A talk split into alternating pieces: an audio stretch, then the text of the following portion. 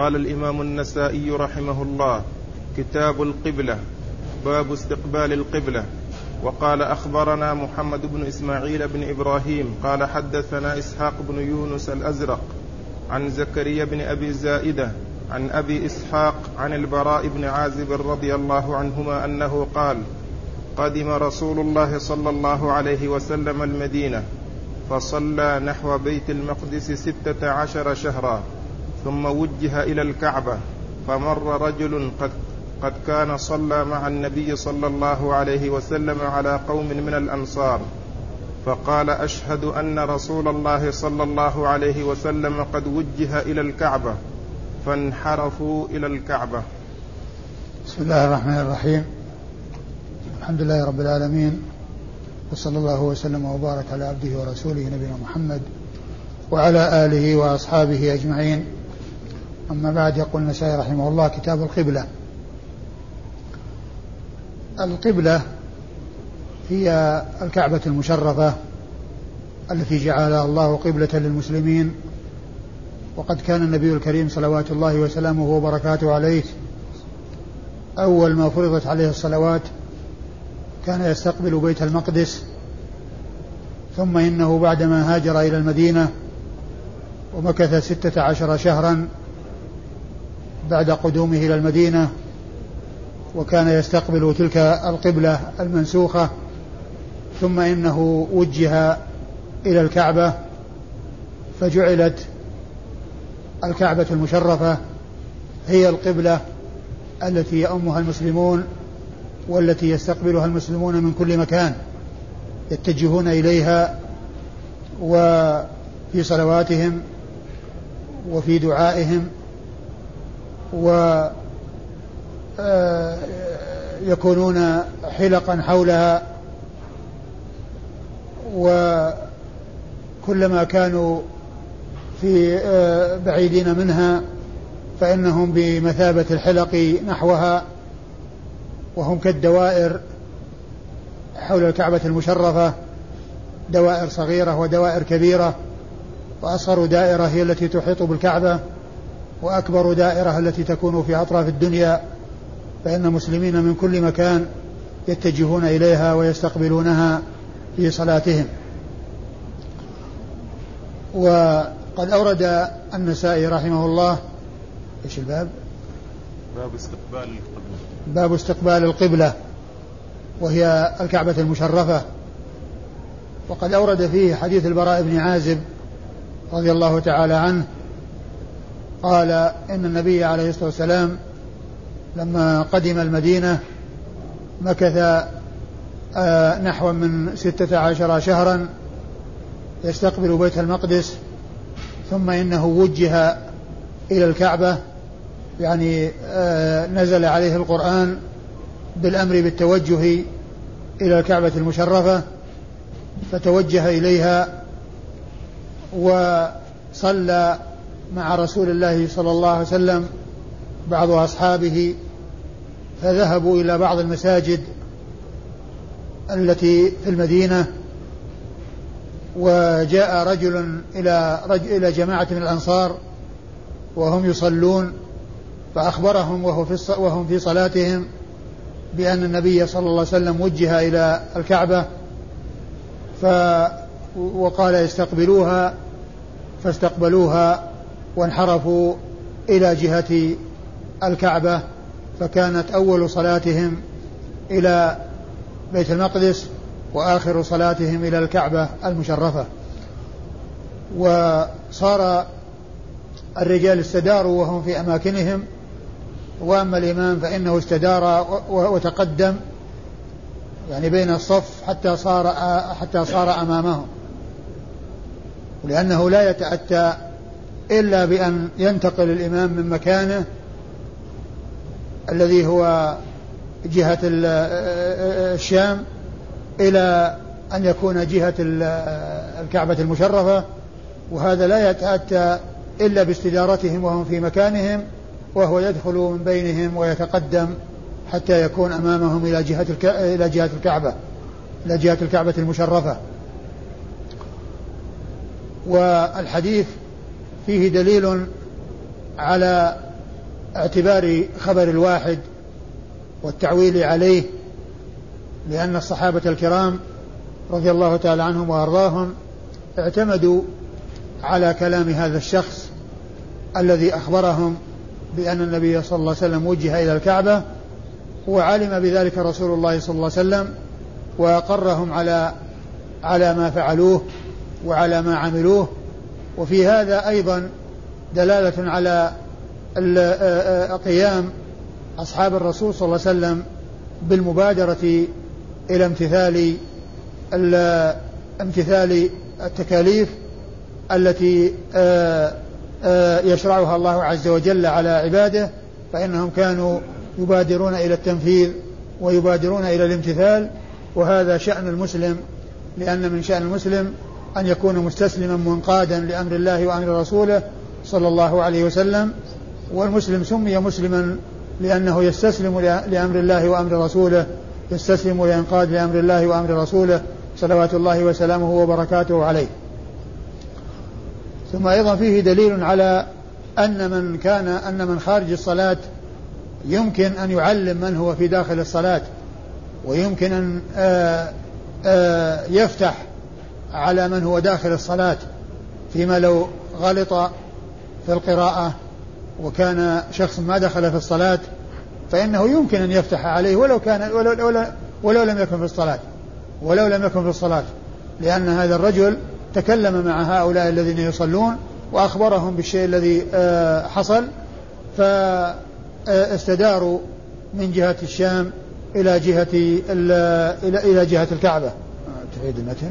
عن البراء بن عازب رضي الله عنه قال قدم رسول الله صلى الله عليه وسلم المدينة فصلى نحو بيت المقدس ستة عشر شهرا ثم وجه إلى الكعبة. فمر رجل قد كان صلى مع النبي صلى الله عليه وسلم على قوم من الأنصار فقال أشهد أن رسول الله صلى الله عليه وسلم قد وجه إلى الكعبة فانحرفوا إلى الكعبة. ثم إن الرسول صلى الله عليه وسلم كان آه كان يتحرى وكان يؤمل أن يوجه إلى الكعبة وكذلك أصحابه كانوا يعلمون فلعلهم كانوا يتوقعون وينتظرون آه حصول شيء أو نزول شيء أو نزول وحي بذلك. فلما أخبرهم هذا المخبر الذي آه، حدثهم وهم في صلاتهم آه، آه، استداروا في صلاتهم من جهة الشام إلى جهة الكعبة المشرفة.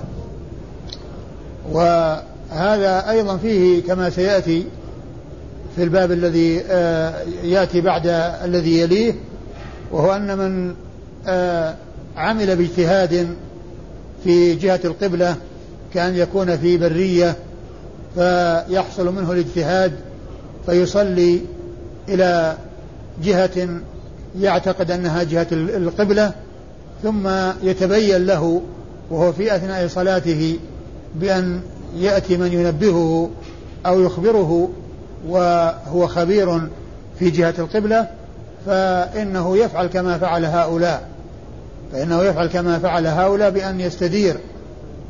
من الجهة التي هو عليها ويكمل صلاته إلى جهة آه إلى جهة القبلة. أما إسناد الحديث يقول النسائي أخبرنا محمد بن إسماعيل بن إبراهيم محمد بن إسماعيل محمد بن إسماعيل ابن إبراهيم هو ابن مقسم الأسدي المشهور أبوه المشهور أبوه بن علية محمد بن إسماعيل بن إبراهيم. لأن إسماعيل بن إبراهيم من مقسم الأسدي هو المشهور بابن علية وهذا ابنه محمد بن إسماعيل ابن إبراهيم وليس هو البخاري البخاري هو محمد بن إسماعيل بن إبراهيم محمد بن إسماعيل ابن إبراهيم وإنما الذي آه، يروي عنه النسائي ممن هو بهذا الاسم محمد بن إسماعيل بن إبراهيم هو ابن أبي علية. وهذا الذي هو محمد بن إسماعيل بن إبراهيم بن علية ثقة خرج حديثه النسائي وحده. ثقة خرج حديثه النسائي وحده. وله آه، أخ لهذا لمحمد اسمه إبراهيم. إبراهيم بن إسماعيل بن إبراهيم. وهذا منحرف عن منهج أهل السنة. وهو من المبتدعة. ذكره الذهبي في الميزان وقال جهمي هالك.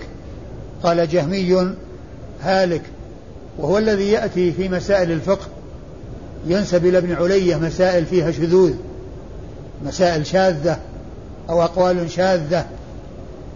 يعني آه يقال قال فيها ابن علية المقصود به إبراهيم وليس الأب لأن الأب اللي هو إسماعيل إمام من أئمة أهل السنة. وأما هذا فهو من المبتدعة. وكان يأتي ذكر مسائل له فيها شذوذ ومن هذه المسائل التي يذكر شذوذه فيها قد ذكرها ابن رشد في بداية المجتهد وذكرها غيره عندما جاء عند الإجارة وحكم الإجارة قال إن الإجارة لا تجوز لا يجوز للإنسان أن يستأجر أحدا. وهذا شذوذ في غاية الوضوح. كيف لا كيف لا يحصل الاستئجار؟ ومن ومن يستغني عن الاستئجار؟ من يستغني عن أن يستأجر أحدا؟ لأنه إما أن لأن الإنسان إذا لم يستأجر إما أن يكون محيطا بالمهن كلها بحيث يعني لا يحتاج إلى غيره أو الناس يتصدقون عليه بالمجان أو الناس يفعلون له بالمجان. يعني معناه ما في ما فيه استئجار. فهو إما أن يكون خبيرا بالمهن أو يكون يتصدق عليه بأن آه، يبذل له ما يريد آه، بدون مقابل. وإذا كان بأجرة فإن ذلك لا يجوز. هذا شذوذ. وأي شذوذ؟ مثل هذا الشذوذ. قال ابن رشد وخالف فيها ابن علية والأصم. وخالف ابن علية والأصم.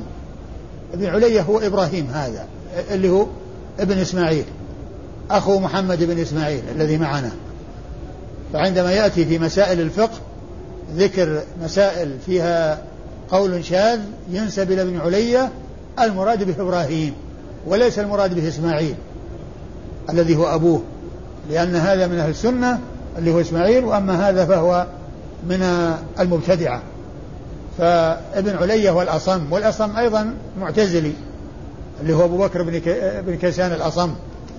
وهو غير آه غير آه أبو العباس الأصم اللي هو من شيوخ الحاكم لأن هذاك إمام من أئمة أهل السنة ومحدث كبير من شيوخ الحاكم أبو العباس الأصم وأما هذا أبو بكر الأصم فهو معتزلي وهو يعني يأتي ذكره في مسائل شاذة ومنها مسألة الشفعة. قالوا وخالف فيها الأصم قالوا خالف فيها الأصم وكان عن فهمها أصم وكان عن فهمها أصم. فالحاصل أنه يأتي ذكر ابن علية وذكر الأصم والمراد بابن علية هو هذا الذي ذكرت إبراهيم الذي قال عنه الذهبي في الميزان إنه جهمي هالك إنه جهمي هالك. ويروي آه، محمد بن إسماعيل إسحاق بن يونس. عن إسحاق بن يوسف ابن يوسف الأزرق. يونس. هو إسحاق بن يوسف. وقد سبق أن مر ذكر الحديث آه، فيما مضى وجاء على الصواب الذي هو يوسف. إسحاق بن يوسف الأزرق. وكذلك هو في التقريب إسحاق بن يوسف الأزرق. وفي بعض النسخ ابن يوسف. مكتوب ابن يونس وفي بعض النسخ ابن يوسف. نعم. يوسف. أي نعم يعني هو يعني خطأ. يعني ذكر يونس. وهو ثقة خرج حديثه أصحاب الكتب الستة. ثقة خرج حديثه أصحاب الكتب الستة. عن عن زكريا عن زكريا بن أبي زائدة. عن زكريا ابن أبي زائدة وهو أيضا ثقة خرج ثقة يدلس وحديثه أخرجه أصحاب الكتب الستة. عن أبي إسحاق. عن أبي إسحاق وهو السبيعي عمرو بن عبد الله الهمداني السبيعي مشهور بكنيته ونسبته السبيعي. ويأتي ذكره كثيرا بدون نسبته بل بالاكتفاء بكنيته وهو أبو إسحاق. اسمه عمرو بن عبد الله الهمداني السبيعي والهمداني نسبة عامة والسبيعي نسبة خاصة لأن سبيع هم من من همدان سبيع من همدان فينسب أو الغالب عليه النسبة الخاصة التي هي السبيعي بفتح السين وكسر الباء. وهو ثقة مكثر من الرواية خرج حديثه أصحاب الكتب الستة. عن عن البراء. عن البراء بن عازب صاحب رسول الله صلى الله عليه وسلم وكان وهو أحد صغار الصحابة ويقال إنه كان هو وابن عمر لده يعني آه، ميلادهم واحد كانوا في سن واحد وحديثه آه، أخرجه أصحاب الكتب الستة. حديثه عند أصحاب الكتب الستة. وإذا فرجال الإسناد الذين هم محمد بن إسماعيل بن إبراهيم ابن مقسم ابن علية و آه، آه، إسحاق بن يوسف الأزرق وزكريا بن أبي زائدة وأبو إسحاق السبيعي والبراء بن عازب. كل رجال الإسناد حديثهم عند أصحاب الكتب الستة إلا شيخ النسائي محمد بن إسماعيل بن إبراهيم فإنه لم يخرج له إلا النسائي وحده. قال باب الحال التي يجوز عليها استقبال غير القبلة. وقال أخبرنا قتيبة عن مالك بن أنس عن عبد الله بن دينار عن ابن عمر رضي الله عنهما أنه قال كان رسول الله صلى الله عليه وسلم يصلي على راحلته في السفر حيثما توجهت. قال مالك قال عبد الله بن دينار وكان ابن عمر يفعل ذلك. ثم أورد النسائي هذه الترجمة وهي باب الحال التي يجوز عليها استقبال غير القبلة وهي صلاة النافلة في السفر.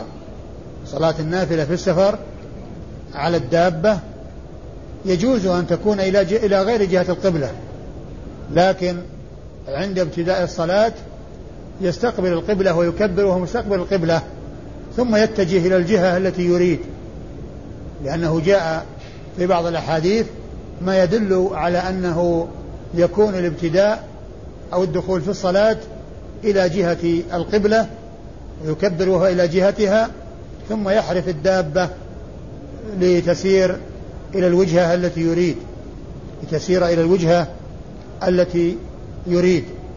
فالحال التي يجوز استقبال غير القبلة فيها إنما هي في النافلة في صلاة النافلة على الدابة في حال السفر.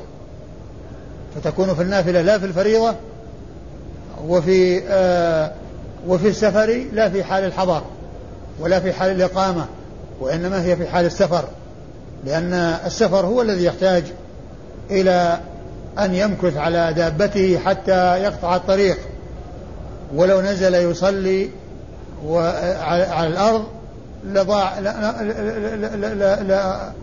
ضاع عليه الوقت دون أن يصل إلى بغيته ولكنه يجمع بين المصلحتين يصلي على دابته ودابته تسير إلى الجهة التي يريد. فقد ثبتت السنة بذلك عن رسول الله صلوات الله وسلامه وبركاته عليه عن جماعة من الصحابة أنه كان يصلي على راحلته أو على دابته آه يعني إلى أي جهة توجهت وهذا إنما هو في النافلة. كما جاء في بعض الأحاديث أنه كان لا يصلي عليها المكتوبة. لا يصلي عليها المكتوبة. وإنما إذا جاءت المكتوبة ينزل ويصليها على الأرض ثم يركب دابته ويذهب إلى الجهة آه، يتجه إلى الجهة التي يريد. وقد أورد النسائي حديث عبد الله بن عمر رضي الله تعالى عنهما أن النبي صلى الله عليه وسلم كان يصلي على راحلته أينما توجهت. قال عبد الله بن دينار وكان ابن عمر يفعل ذلك يعني راوي الحديث. يعني راوي الحديث عن رسول الله صلى الله عليه وسلم يفعل هذا الفعل الذي هو التنفل على الراحلة آه إلى غير جهة القبلة إلى غير جهة القبلة. أخبرنا قتيبة. يقول النسائي أخبرنا قتيبة. قتيبة هو ابن سعيد بن جميل بن طريف البغلاني ثقة خرج حديثه أصحاب الكتب الستة. عن مالك؟ مالك؟ نعم مالك عن مالك وهو ابن أنس. عن مالك بن أنس إمام دار الهجرة المحدث الفقيه المشهور أحد أصحاب المذاهب الأربعة المشهورين الذين حصل لأقوالهم ولمذاهبهم آه، أصحاب لهم يعنون أو عنوا بجمع أقوالهم وكلامهم في المسائل وترتيب ذلك وتنظيمه فحفظ واشتهرت هذه المذاهب هذه الشهرة وإلا فإن في, المح... في الفقهاء ممن قبلهم وفي زمنهم وبعدهم ممن هو مثلهم في في الاجتهاد وسعة العلم وسعة الاطلاع والإحاطة بالمسائل الكثيرة ولكن ما حصل لهم مثل ما حصل لهؤلاء. ومن هؤلاء الأئمة الكبار الذين آآ آه، آآ آه، هم من أهل الاجتهاد وكلامهم كثير في المسائل الليث بن سعد الفقيه المحدث في مصر وعبد الرحمن الأوزاعي الفقيه المحدث في الشام وغيرهم. من الفقهاء الذين هم من أهل العلم ومن أهل الاجتهاد ولكن ما حصل لهم مثل ما حصل لهؤلاء الأربعة من جمع أقوالهم والعناية بمذاهبهم حتى صار لها الحفظ وحتى صار لها البقاء وحتى اشتهرت بين الناس. وحديث وحديث الإمام مالك بن أنس أخرجه أصحاب الكتب الستة. عن عبد الله بن دينار. عبد الله بن دينار هو المدني وهو آه وهو مولى لعبد الله بن عمر. مولى لعبد الله بن عمر ولهذا يقال له العدوي ولاء يعني نسبة إلى إلى نسبة عبد الله بن عمر العدوي. ولاء و وهو ثقة حديثه أخرجه أصحاب الكتب الستة.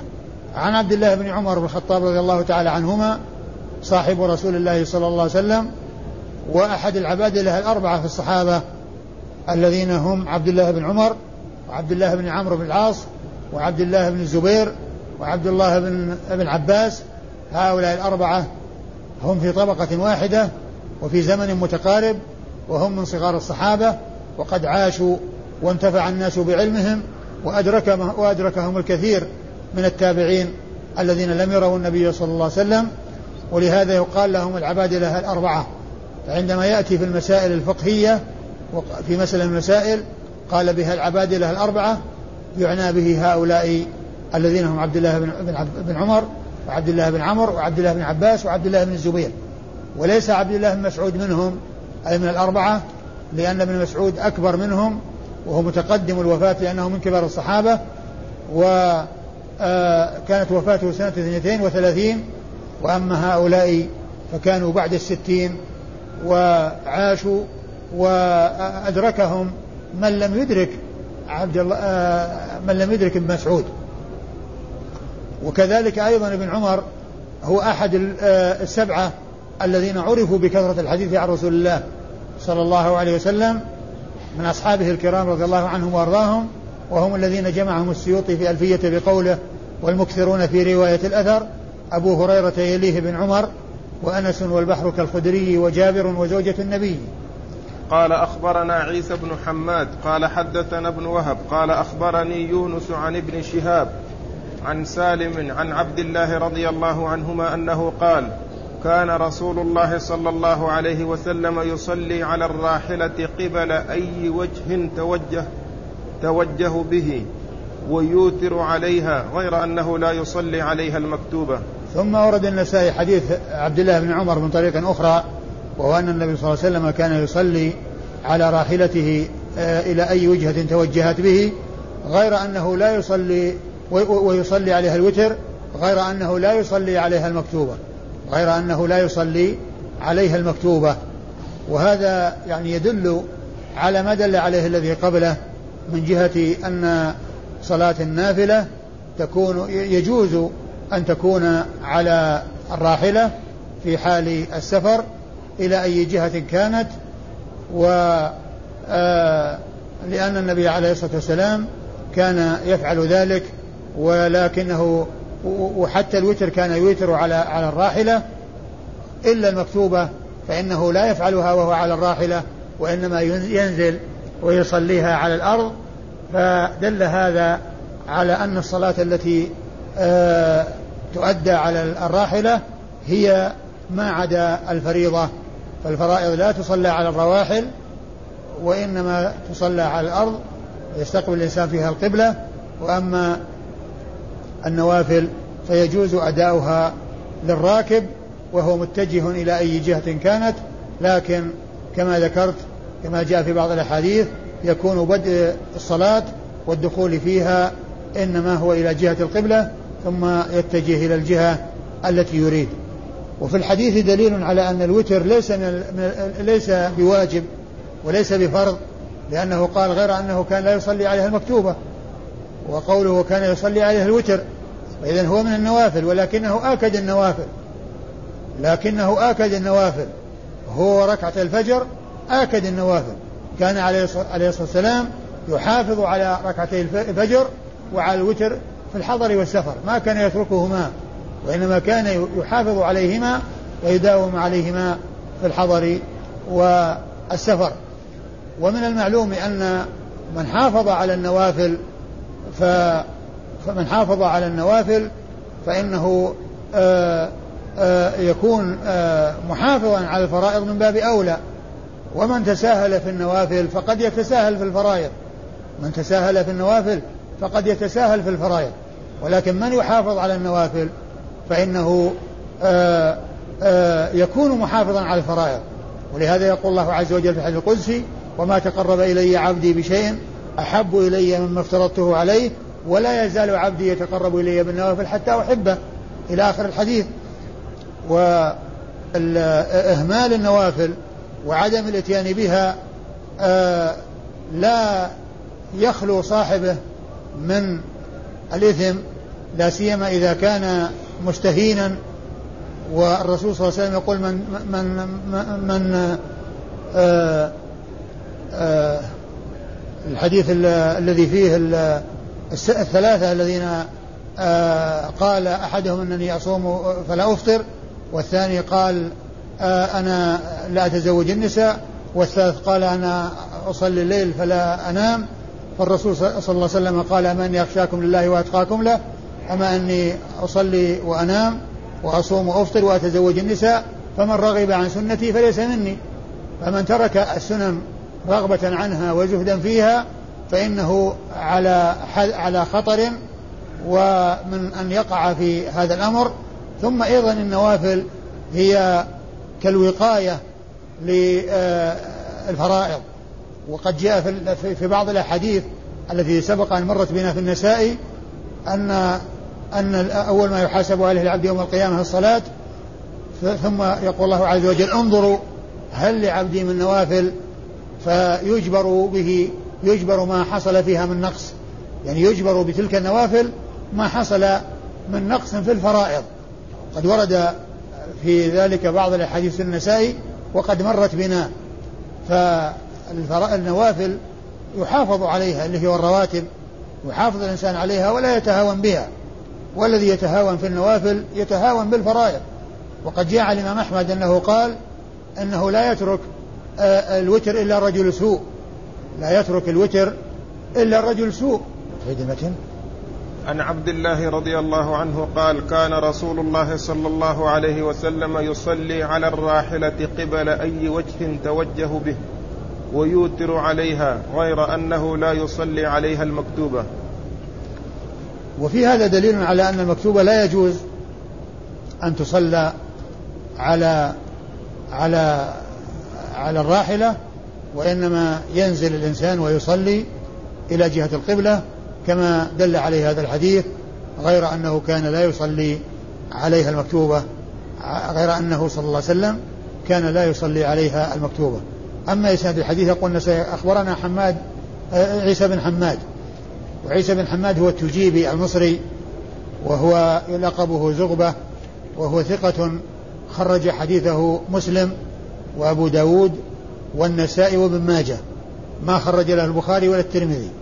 ما خرج له البخاري ولا الترمذي. عيسى بن حماد التجيبي المصري. نعم. حدثنا ابن وهب. حدثنا ابن وهب وهو عبد الله بن وهب المصري. وهو ثقة خرج حديثه أصحاب الكتب الستة. قال أخبرني يونس. قال أخبرني يونس وهو ابن يزيد الأيلي. أخبرني يونس وهو ابن يزيد الأيلي. وهو ثقة حديثه عند أصحاب الكتب الستة.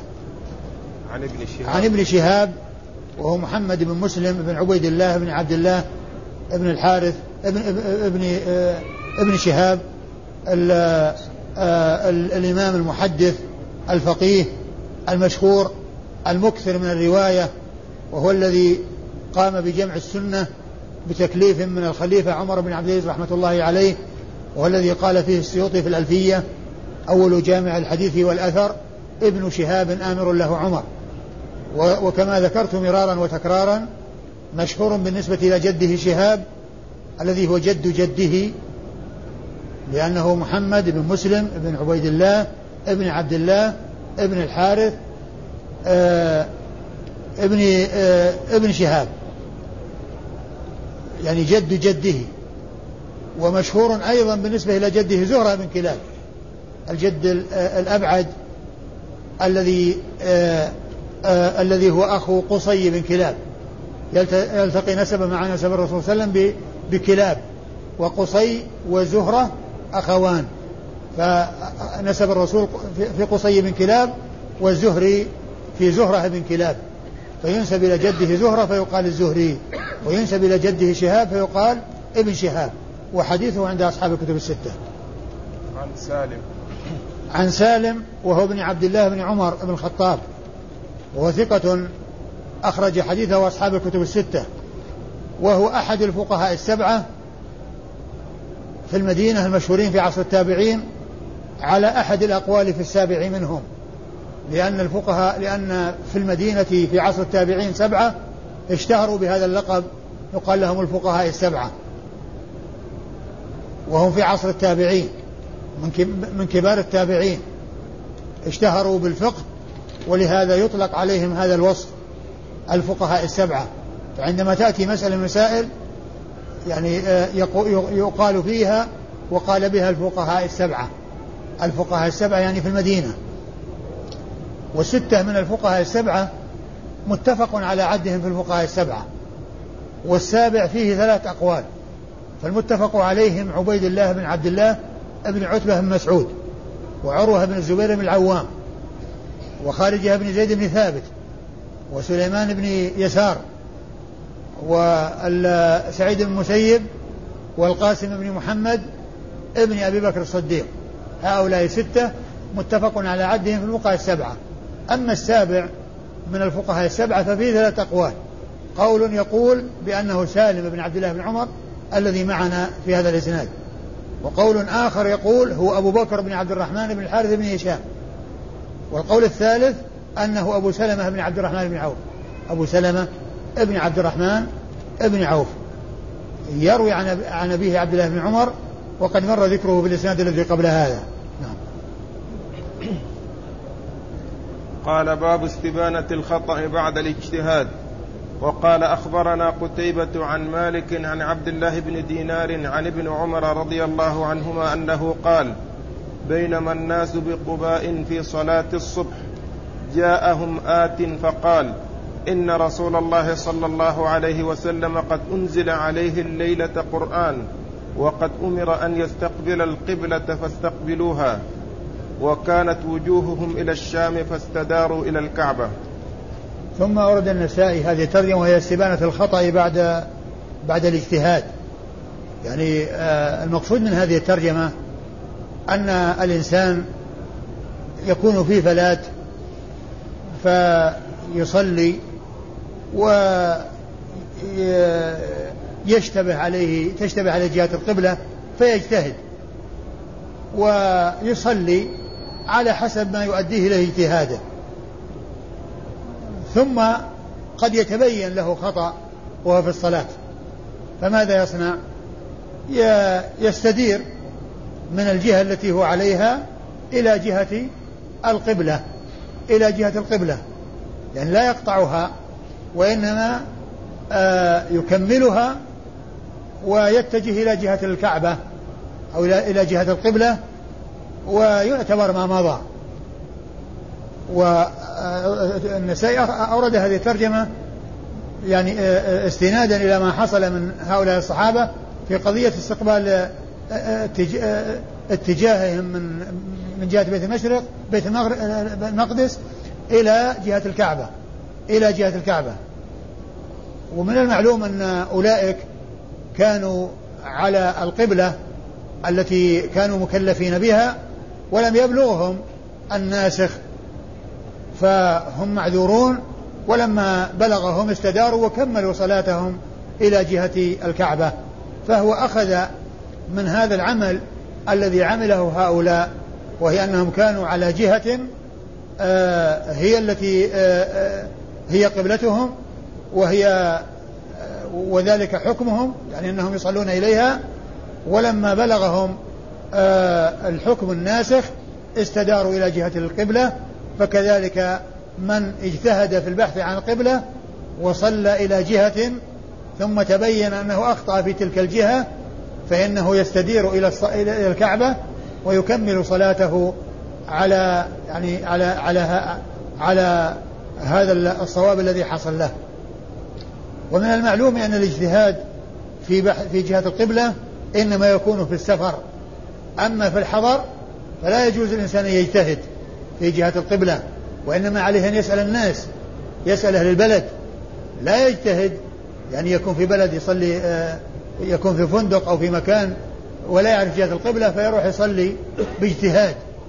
وهو يستطيع أن أن يسأل الناس ويستطيع أن يتصل بأحد يخبره بجهة القبلة فهذا عمله لا يصح ولا يجوز. ويعني لا ينفعه الاجتهاد في هذا. ولو صلى ثم تبين فإنه يعيد الصلاة لأنه مفرط ولأنه مقصر بخلاف الذي في البرية. وفي الفلاة والذي لا يتمكن وليس عنده أحد آه، يفيده ويبصره بجهة القبلة فإنه, فإنه يصلي على اجتهاده. وإذا فرغ من الصلاة وتبين أنه إلى غير القبلة فإن صلاته صحيحة.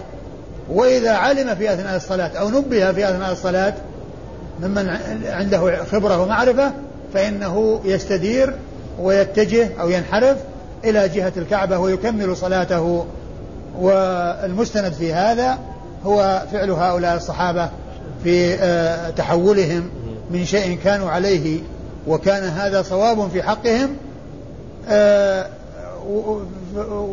وكذلك من اجتهد إلى جهة القبلة فإن ذلك صواب في حقه. فإذا تبين له أنه مخطئ فإنه يتحول إلى جهة الكعبة. ويعتبر ما مضى صحيحا آه، ولا يحتاج إلى أن يعيد الصلاة أو يستأنفها من جديد بل الذي مر الذي مضى هو على على على على على, على حاله. وكذلك لو أكمل الصلاة وتبين أنه لا أنه مخطئ فصلاته صحيحة ولا يحتاج إلى أن يعيدها. ما دام أن له أن يجتهد وما دام أنه في الفلاة ولم يكن مفرطا ومقصرا. ثم الحديث فيه دليل كما عرفنا إلى آه، الأخذ بخبر الواحد. والأخذ بخبر الواحد آه هذا أمر معروف عند عند أهل العلم والأحاديث فيه مستفيضة كثيرة عن رسول الله صلى الله, صلى الله عليه وسلم. من هذا الحديث؟ ومنها حديث معاذ بن جبل آه حيث أرسله إلى اليمن وقال إنك تأتي قوم أهل الكتاب فليكن أول ما تدعوهم إلى شهادة لا إله إلا الله وأن محمد رسول الله. فإنهم أجابوك لذلك فأخبرهم والحجة قامت على أهل اليمن بمعاذ وهو وحده وفي العقيدة في الأحكام والعقائد لأن معاذ يعلم يعلمهم أمور دينهم. ولهذا قال فليكن أول ما تدعوهم إليه شهادة لا إله إلا الله وأن محمد رسول الله. ليس كما يقوله بعض أهل العلم أنه يعني خبر الآحاد لا يحتج به في العقائد لأن هذا يحتاج إلى تواتر. ويحتاج إلى كذا هذا خلاف الصحيح لأن حديث معاذ بن جبل وغيره من الحديث دال على اعتبار خبر الواحد مطلقا في العقائد وغيرها في العقائد والأحكام وغيرها. يعني ما دام ثبت الحديث عن رسول الله صلى الله عليه وسلم ولو بطريق واحد فإنه يجب العمل به ويجب الأخذ به. وهذا هو الواجب على المسلم أن يستسلم وينقاد لما ثبت عن رسول الله صلى الله عليه وسلم ولو كان من طريق واحد. وأخبار الآحاد كما هو معلوم آآ آه، آآ آه، آه، يعول عليها في العقائد وغير العقائد وهذا هو الصحيح من أقوال أهل العلم. ثم أيضا فيه دليل على أن من من لم يبلغه من لم يبلغه الناسخ وعمل على وفق المنسوخ قبل أن يبلغه الناسخ فعمله صحيح لأن أهل قبى ما بلغهم الخبر إلا في صلاة الصبح. وقبل ذلك كانوا يصلون إلى جهة الشام بعد ما حصل النسخ وبعدما وجه رسول الله صلى الله عليه وسلم إلى جهة القبلة. فهذا يدل على أن آه، من أخذ على أن من لم يبلغه الناسخ هو معذور في أخذه بالناسخ وعمله بالناسخ يعني في فيما مضى لأن آه، أهل قبى كانوا يصلون إلى جهة الشام بل أول صلاتهم التي التي آه، التي هي صلاة الصبح والتي أخبروا فيها بتوجه بتوجيه الرسول صلى الله عليه وسلم إلى جهة الكعبة آه، أتموا صلاتهم وكان أولها إلى جهة الشام وكان أولها إلى جهة الشام. وفيه أيضا تعليم من هو في الصلاة من خارج الصلاة ومن هو في داخل الصلاة كما سبق أن عرفنا آه ذلك في حديث البراء بن عازب. الذي هو بمعناه. الإسناد. قتيبة. قتيبة أخبرنا قتيبة عن مالك. نعم عن عبد الله بن دينار عن ابن أخبرنا قتيبة عن مالك عن عبد الله بن دينار عن ابن عمر. وهذا الإسناد تقدم بكماله في آه، آه، الأحاديث التي مرت في هذا الدرس. لعله الحديث الثاني. وهو من رباعيات النسائي. يعني من أعلى الأسانيد عند النسائي لأن أعلى الأسانيد عند النسائي رباعيات. يكون بين النسائي وبين رسول الله صلى الله عليه وسلم فيها أربعة أشخاص. هذا أعلى إسناد عند النسائي. أو من أعلى الأسانيد عند النسائي وهي الرباعيات التي يكون فيها بين النسائي وبين رسول الله صلى الله عليه وسلم أربعة أشخاص. لأنه ليس عنده ثلاثيات. النسائي ليس عنده ثلاثيات.